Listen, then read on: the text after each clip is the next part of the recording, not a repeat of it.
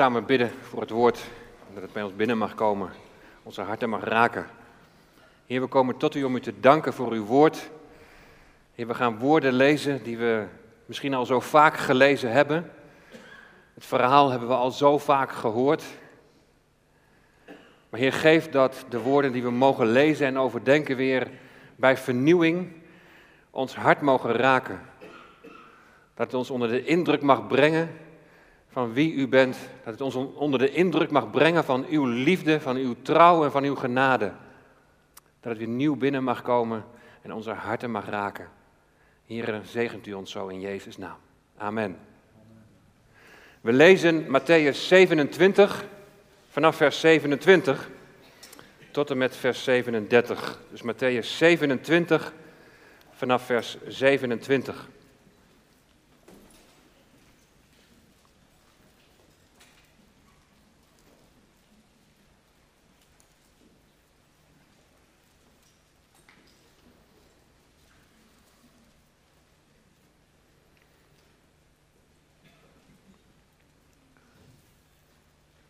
Toen namen de soldaten van de stadhouder Jezus met zich mee in het gerechtsgebouw en verzamelden heel de legerafdeling om hem heen.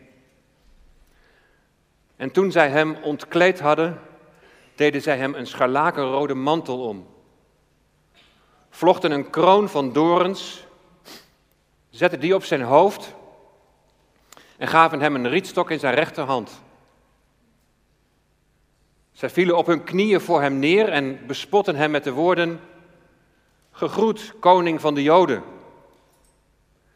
Ook bespuwden ze hem, pakten de rietstok en sloegen hem op zijn hoofd. En toen ze hem bespot hadden, trokken ze hem de mantel uit, trokken hem zijn kleren aan en leidden hem weg om hem te kruisigen.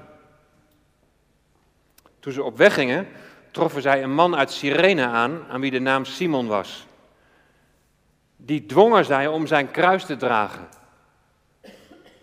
En gekomen bij de plaats die Golgotha genoemd wordt, wat schedelplaats betekent, gaven zij hem wijn vermengd met gal te drinken. Maar toen hij die geproefd had, wilde hij niet drinken. Nadat ze hem gekruisigd hadden, verdeelden zij zijn kleren door het lot te werpen opdat vervuld zou worden wat gezegd is door de profeet. Ze hebben mijn kleren onder elkaar verdeeld en om mijn kleding hebben ze het lot geworpen. En ze gingen zitten om hem daar te bewaken. En zij brachten boven zijn hoofd een opschrift aan met de beschuldiging tegen hem: Dit is Jezus, de koning van de Joden.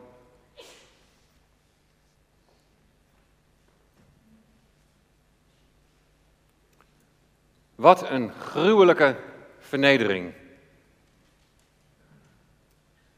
Jezus die gevangen is genomen, wordt door het Sanhedrin, de Joodse raad, uitgeleverd aan Pilatus.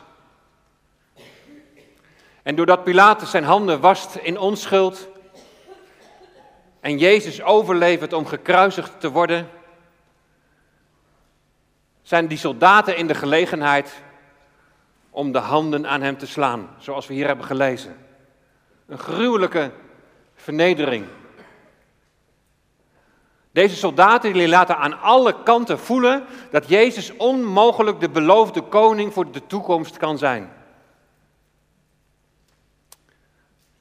Aan de hand van Matthäus 24 hebben we de afgelopen weken er een aantal keren bij stilgestaan dat de Joodse toekomstverwachting is dat er een Messias zal komen. En die Messias, die, die gezalfde van God, die zal het lang verwachte herstel brengen. Koning over een nieuw koninkrijk. Een vrederijk, een rijk van gerechtigheid en vrede. Geen Herodes, geen Pilatus, geen Romeinse keizer, maar de Messias op de troon. En er is verlangen naar herstel. Een diep geworteld verlangen.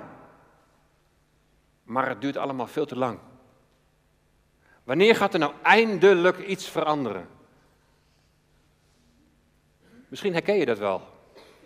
De hopeloosheid slaat toe. Gaat het ooit nog anders worden? Waarom duurt het zo lang? Waarom gaat het allemaal zo moeizaam? Het is moeilijk om, eh, om lichtpuntjes te onderkennen. Moeilijk misschien om te zien waar de ware oplossing ligt. De oplossing voor het volk lag voor het grijpen. Maar Jezus voldeed niet aan het verwachtingspatroon van de fariseeën en de schriftgeleerden. De fariseeën en schriftgeleerden waren gericht op hun eigen belang. Ze wilden geen onrust bij de Romeinse bezetter, geen aanslag op hun positie als geestelijke leiders. Pilatus, ook gericht op zijn eigen belang. Hij wil geen onrust onder het volk. En hij gaat daarom in het verzoek mee om Jezus te kruisigen. Terwijl hij heel goed wist dat er geen enkele aanklacht tegen hem was. Wat kunnen wij ook verblind zijn door eigen belang? Of het zelf voor ogen hebben hoe de oplossing tot stand moet komen en wanneer. Terwijl je niet in de gaten hebt dat God al iets aan het doen is. Je merkt het niet op. We zijn vaak niet anders dan Pilatus of de schriftgeleerden. Zo, zo mensgericht. En het volk dat aanvankelijk nog wel onder de indruk was van Jezus, die keert zich op een gegeven moment tegen hem. Als het volk de keuze krijgt tussen de misdadige Barabbas en Jezus, dan roepen ze ten aanzien van Jezus, kruisig hem. Dat is hun ingefluisterd. Ze laten zich beïnvloeden. In Matthäus 27, vers 20, daar staat, de overpriesters en de oudsten die haalden de menigte over dat zij om Barabbas zouden vragen en Jezus zouden ombrengen. Mensen die zich gemakkelijk laten ompraten. Denken jullie dat dit de oplossing is? Dan geloof je toch zelf niet? Laat je niks wijsmaken over die Jezus. Roep Barabbas vrij. Ze laten zich verkeerd beïnvloeden. Wellicht bang voor de gevolgen die het zou hebben als ze niet zouden gehoorzamen. Of is het de frustratie dat er geen herstel komt? En dat er dan maar een zondebok moet worden aangewezen? Mensen zonder ruggengraat. Meelopen met de massa. Zijn wij zo anders? En als het volk blijft roepen dat hij gekruisigd moet worden, en Pilatus daarom Barabbas maar vrijlaat, wordt bij Jezus, omdat de mensen, omdat Pilatus geen ruggengraat heeft, zijn ruggengraat kapotgeslagen door de geesteling. Een vreselijke straf. Een opengereten rug. Het bloed stroomt. En dan wordt Jezus meegenomen door de soldaten. Er staat de hele legerafdeling die verzamelt zich om hem heen. Het gaat om een cohort soldaten. Een cohort bestond in die tijd uit hulptroepen.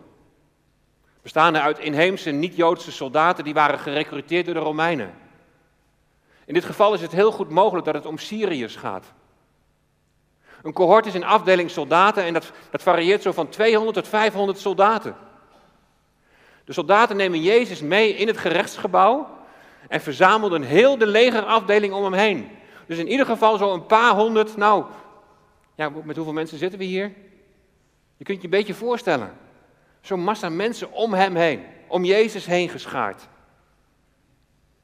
Jezus die al een verschrikkelijke pijn heeft ondergaan tijdens de geesteling, die wordt nu nog eens vreselijk vernederd. Vooraf aan zijn geesteling werd zijn bovenkleding verwijderd. Of zijn rug geslagen met van die gemene haken. En er werd nog even flink aan getrokken zo. Het bloed stroomt. En dan zijn bovenkleding weer aan en daar staat hij dan. De manschappen worden in de kazerne opgeroepen om van zijn intocht een klucht te maken. Wat een verschrikkelijk moment van vernedering. Jezaja had het al geprofeteerd, een paar honderd jaar daarvoor. In hoofdstuk 53 verwijst hij met het lam dat ter slachting wordt geleid naar de Messias. En dan staat er in vers 3, hij was veracht, de onwaardigste onder de mensen. Wij hebben hem niet geacht. En de soldaten die maken er een vreselijk schouwspel van. Ze organiseren gezamenlijk een parodie op de intocht in Jeruzalem. Ze trekken hem zijn kleren uit. Hoe pijn zal het al lichamelijk zijn? Zijn kleren uittrekken, wat, wat een vernedering. En ze doen hem een rode koningsmantel om en ze vallen spottend voor hem op de knieën. Als ze toch eens hadden geweten. Gegroet, koning van de Joden. Daarna wordt de kruising als het ware opgevoerd als een klucht. Een klucht, dat is een kort toneelstuk waar het vermaak van het volk centraal staat. Een klucht in vijf delen. Voor de zogenaamde koning wordt een dienaar aangewezen die het kruis achter hem moet dragen. Bij aankomst op de schedelplaats op Golgotha bieden ze hem vervolgens een bittere cocktail aan als welkomstdrank. Daarna spelen ze een dobbelspel met als inzet de nalatenschap van de koning, zijn kleren. Hier onderaan het kruis, het is misschien niet heel goed zichtbaar voor iedereen, maar daar, daar zie je die dobbelstenen hangen. In de vierde plaats, kijk maar boven het kruis. Daar hangen ze een bord boven hem waarop de eervolle vermelding van zijn titel is te lezen. Dit is Jezus, de koning van de Joden. Het staat daar in die drie talen. En in de vijfde plaats voorzien ze de koning dan van een lijfwacht. Door twee bandieten naast hem te kruisigen, links en rechts van hem. Het gedrag van deze soldaten maakt Jezus leiden tot een schouwspel voor de wereld. Gods zoon wordt vernederd en hij vernedert zich. Hij was veracht en wij hebben hem niet geacht. En het verloopt precies zoals Jezus vertelde aan zijn discipelen toen ze voordat dit alles plaatsvond onderweg waren naar Jeruzalem.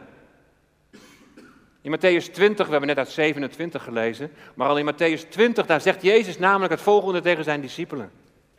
We zijn op weg naar Jeruzalem waar de mensenzoon zal worden uitgeleverd aan de hoge priesters en de schriftgeleerden, die hem ter dood zullen veroordelen.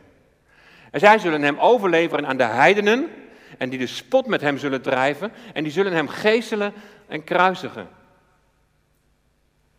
En dit is precies zo gegaan toen Jezus werd overgeleverd door de hoge priesters en de schriftgeleerden aan Pilatus. En vervolgens weer aan de soldaten, aan de heidenen. Het scenario was dus al bekend. Een scenario dat God met een knip in zijn vingers zo zou kunnen veranderen. Het zou voor hem heel eenvoudig zijn geweest om dit te voorkomen. Maar Jezus moest deze weg gaan. Met hem zal de spot gedreven worden, ze zullen hem geeselen, ze zullen hem kruisigen, precies zoals voorzegd. Als het gaat om lijden, dan zijn wij hier in West-Europa al heel gauw geneigd om te zeggen, ja waarom? Gert Jonkheer die vertelde mij dat hij in Thailand merkte dat de gelovigen daar veel eerder zeggen, waartoe? Bij het lijden van Jezus komen beide vragen bij me naar boven. Waarom en, en waartoe dit alles? Als je naar een film als The Passion kijkt, dan, dan wordt het lijden helemaal uitvergroot. Het lichamelijke lijden was verschrikkelijk, laten we daar heel duidelijk over zijn. Maar er zijn velen die hetzelfde hebben ondergaan. Het is verschrikkelijk dat hij ten onrechte de doodstraf krijgt. Maar het gebeurt nog wel eens dat mensen onterecht ter dood worden veroordeeld. Wat is dan, dan het verschil? Wat, wat is de zin van het lijden? Is het allemaal toevallig, die geesteling en die doornenkroon en het dobbelen om de kleding? Er zijn profetieën in het Oude Testament die verschillende handelingen tijdens die laatste dagen van Jezus hier op aarde hebben voorzegd. En Jezaja 53 heb ik al even aangehaald. Het bekende hoofdstuk dat gaat over de leidende knecht des Heren. Hij zal als een lam ter slachting worden geleid. Het wijst naar de kruisiging. Maar ook zijn streamen. Denk maar aan, aan de geesteling. Zijn streamen is ons genezing geworden. Ook Jezaja 53. En Psalm 22, vers 19. Zij verdelen mijn kleding onder elkaar en werpen het lot om mijn gewaad. Het dobbelen om de kleding. alles wat gebeurt, gebeurt niet zomaar. God heeft het voorzegd. En hij heeft de regie. En het ligt allemaal in zijn hand. Hij laat het gebeuren en hij voorkomt het niet. Ook de gebeurtenissen bij Pilatus, de geesteling, het schouwspel, hij voorkomt het niet. In Handelingen 4, dan is de kruisiging al geweest en de opstanding en de uitstorting van de Heilige Geest. Dan kun je lezen in vers 27 en 28 dat het moest gebeuren. Daar lezen we, want inderdaad in deze stad hebben allen samengespannen tegen Jezus in Jeruzalem. Uw heilige dienaar, die door u is gezalfd.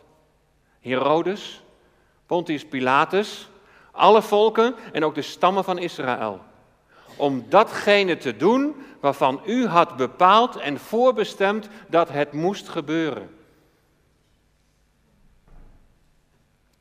Wat bij Pilatus gebeurt, wat de soldaten Jezus aandoen, het is van tevoren bepaald en voorbestemd.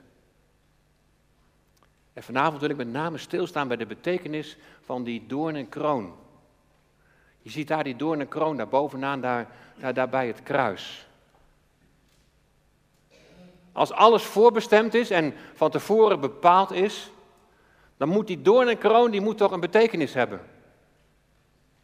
En natuurlijk is die doornenkroon allereerst spottend bedoeld. De kroon als een zogenaamd teken van koninklijke waardigheid.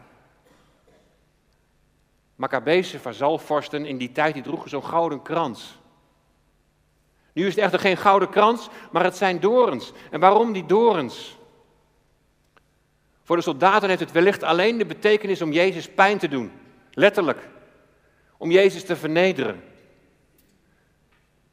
Maar aangezien God alles voorbestemd heeft, zal hij ook aan die doornenkroon zijn betekenis geven. We lezen hier niet wat die betekenis is, maar we kunnen wel iets van die dorens afleiden.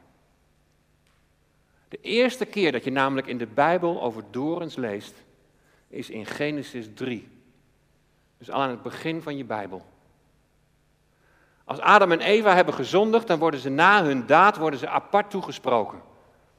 En dan zegt God tegen Adam, omdat u geluisterd hebt naar de stem van uw vrouw en van die boom gegeten hebt waarvan ik u geboden had, u mag daarvan niet eten, is de aardbodem omwille van u vervloekt. Met zwoegen zult u daarvan eten al de dagen van uw leven. En dan komt het, dorens en distels zal hij voor u laten opkomen. En u zult het gewas van het veld eten. Dorens en distels hebben hier te maken met de vervloeking van de aardbodem. Dorens en distels hebben in de Bijbel altijd een negatieve betekenis. Dorens en distels, de vloek. De vloek wordt op het hoofd van Jezus gedrukt. Allereerst is zoals gezegd zo'n doornenkroon fysiek zeer pijnlijk. Ik was toevallig in de kerk bij het klaarmaken van dit prachtige decor. En ik heb even aan die, aan die dorens gevoeld. Nou, dat is zeer pijnlijk. En dan tip je het nog maar even aan met je vingers, zo heel voorzichtig. Moet je je voorstellen dat het op je hoofd wordt gedrukt. Dat ze vervolgens nog even op je hoofd gaan slaan. Allereerst die lichamelijke pijn dus. Maar die dorens veroorzaken ook een andere pijn. Het zal een bewustwording zijn geweest van de eenwording met de vervloeking van deze aarde. Die vervloeking die inhoudt dat de mens gescheiden is van God. En dit is wat Jezus deze dag gaat ervaren: het gescheiden zijn van God. Hij roept immers aan het kruis: Vader, waarom hebt u mij verlaten? De doornenkroon op zijn hoofd gedrukt, de vloek op hem, het bloed vloeit. De straf die ons de vrede brengt, die was op hem. Hij in jouw plaats om je vrij te maken van de vloek die op deze aarde rust. Misschien kun je in die dorens ook wel iets zien van onaantastbaarheid. Want doornen houden je op afstand. Je wilt je er immers niet aan bezeren. Aan de ene kant gaan de soldaten die gaan hun gang in het vernederen van de Heer Jezus, maar aan de andere kant gaat er niets buiten God om. Jezus zou maar hoeven te zeggen, ik ben. En net als bij zijn gevangenneming zouden de soldaten tegen de vlakte gaan. Maar Jezus laat het gebeuren. En hij staat het toe. In geestelijke zin is hij, is hij onaantastbaar. De soldaten kunnen niets doen buiten zijn wil om. En hij liet toe dat ze een doornenkroon op zijn hoofd zetten. De doornenkroon, de aarde vervloekt, omdat de mens nam van de vrucht van de boom der kennis van goed en kwaad en zo als God werd. De mens verdreven uit het paradijs, verstoten van de intieme omgang met God, levend op een aarde die dorens en distels voortbrengt. Een wereld, een aarde die onder de invloed is van Gods tegenstander, de duivel. En dan komt die vloek op Jezus. En hij zal die vloek zal hij in de dood brengen. Hij zal die vloek ombrengen. De doornen, gevolgen van de zondeval op zijn hoofd, op hem gedrukt. Het bloed vloeit. Er zijn letterlijk dorens en distels, maar ook figuurlijk. We leven in een wereld waar zoveel wordt geleden. Een wereld waar zoveel pijn en waar zoveel verdriet is. Door wat mensen elkaar aandoen. Door van alles wat je kan overkomen. Door fouten die je zelf maakt en de gevolgen daarvan. En het staat allemaal zo ver af van zoals God het heeft bedoeld. Dorens en distels, de gevolgen van de zonde, de vloek, gedrukt op het hoofd van Jezus. Het bloed vloeit. Dorens en distels. De doornenkroon duidt op de vervloeking. En laat ons zien hoe ver wij als mensen van God verwijderd zijn. Maar het is het bloed van Jezus dat ons dichtbij brengt. Het is het bloed van Jezus dat ons vrijmoedigheid geeft om in te gaan in het heiligdom. Zo lezen we in Hebreeën 10, vers 19. Jezus heeft door zijn bloed, kun je in dezelfde brief lezen, Jezus heeft door zijn bloed een eeuwige verlossing teweeggebracht. Jezus is de weg van diepe vernedering is hij gegaan om herstel te brengen. Maar ze hebben het niet opgemerkt. Het volk is verblind. Geen geloof meer dat er nog iets gaat veranderen. Te veel je door mensen laten beïnvloeden. En dat terwijl God al aan het werk is. De doornenkroon laat de afstand tussen God en mens zien. Maar het bloed overklooft de brug die er is door de zonde. Overklooft die brug, die kloof tussen God en mens. God is bezig met zijn plan van herstel. En de weg die Jezus daarin is gegaan is van het allergrootste belang. En de weg die hij ging naar het kruis zorgde voor de grootste omwenteling in de wereldgeschiedenis. In die weg naar herstel. Een doornenkroon. Als je die op het hoofd van Jezus gedrukt ziet en je ziet het bloed vloeien, wat is er dan dat wijst op herstel? Nou, God die wil in de eerste plaats herstel voor zijn volk. En dat herstel dat komt op een bijzondere wijze tot uitdrukking in Jesaja 55. Daar zie je dat het niet bij die dorens blijft. Een geweldige belofte voor Israël. Er staat namelijk, want in blijdschap zullen u, zult u uittrekken en met vrede zult u voortgeleid worden. De bergen en de heuvels zullen voor uw ogen uitbreken in gejuich. En alle bomen van het veld zullen in de handen klappen. En dan komt het. Voor een doornstruik zal een cipres opkomen. Voor een distel zal een mirt opkomen. En het zal de Heere zijn tot een naam, tot een eeuwig teken dat niet zal worden uitgewist. Voor een doornstruik zal een cipres opkomen. Je ziet het symbolisch een klein beetje terugkomen in het decor. Je ziet daar geen echte doornen en ook niet een echte cipres. Maar je ziet daar wel, met die toch wel wat vreemde uitsteeksels daar, daar zie je het droge en, en, en het dorre. Het symbool van de dood. Maar voor een doornstruik zal een cipres opschieten. Een cipres heeft zomer en winter groene bladen. Groene bladen zoals je ook hier ziet. Het teken van leven. een doornstruik prikt. Maar dood, waar is uw prikkel? Graf, waar is uw overwinning? De overwinning is ons gegeven, lezen we in 1 Korinthe 15, door onze Heer Jezus Christus, die de dood is ingegaan. Hij is voor ons een vloek geworden, want er staat geschreven, vervloekt is een ieder die aan het hout hangt. De soldaten kunnen er een schouwspel van maken.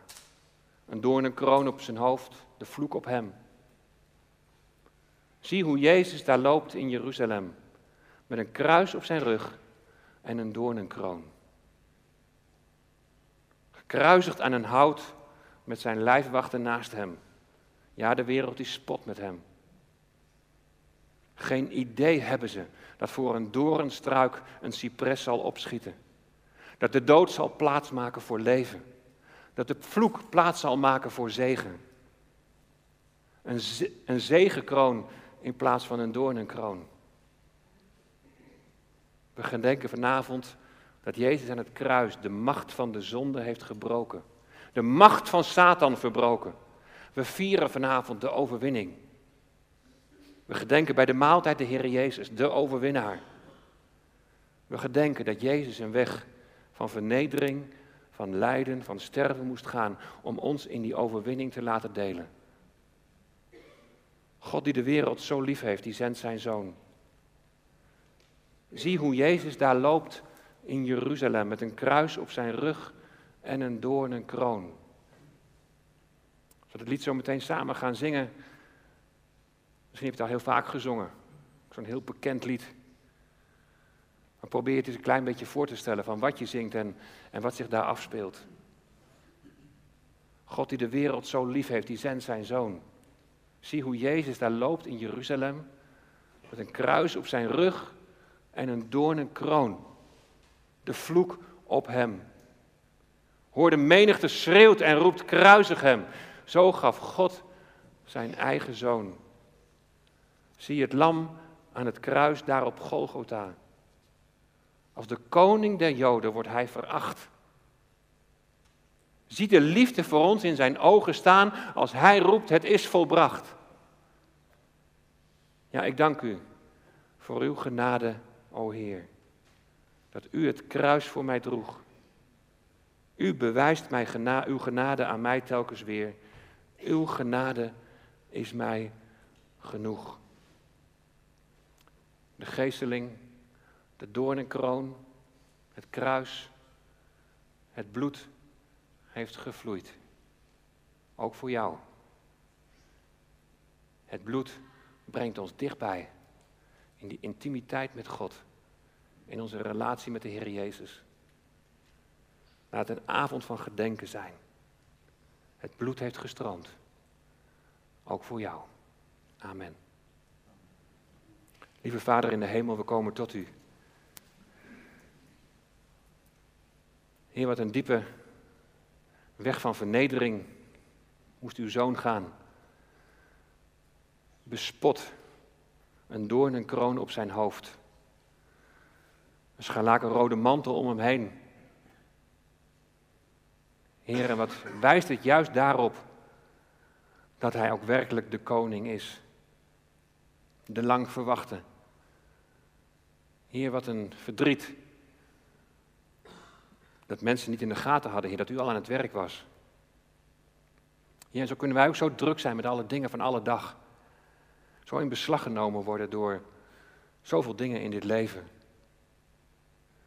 Misschien ook wel zo, zo, zo met onszelf bezig zijn, dat we al niet meer opmerkzaam zijn dat u in situaties en omstandigheden aan het werk bent. Dat u iets aan het doen bent. Heer, maak ons toch opmerkzaam.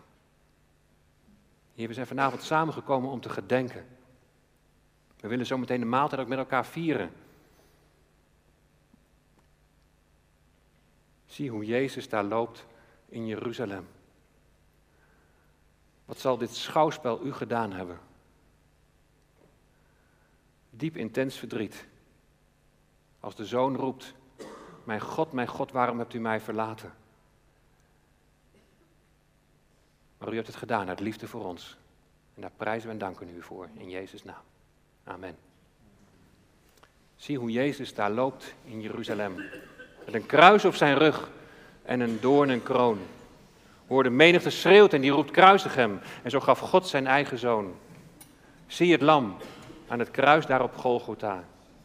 Als de koning der Joden werd hij veracht. Maar zie de liefde voor ons in zijn ogen staan als hij roept, het is volbracht.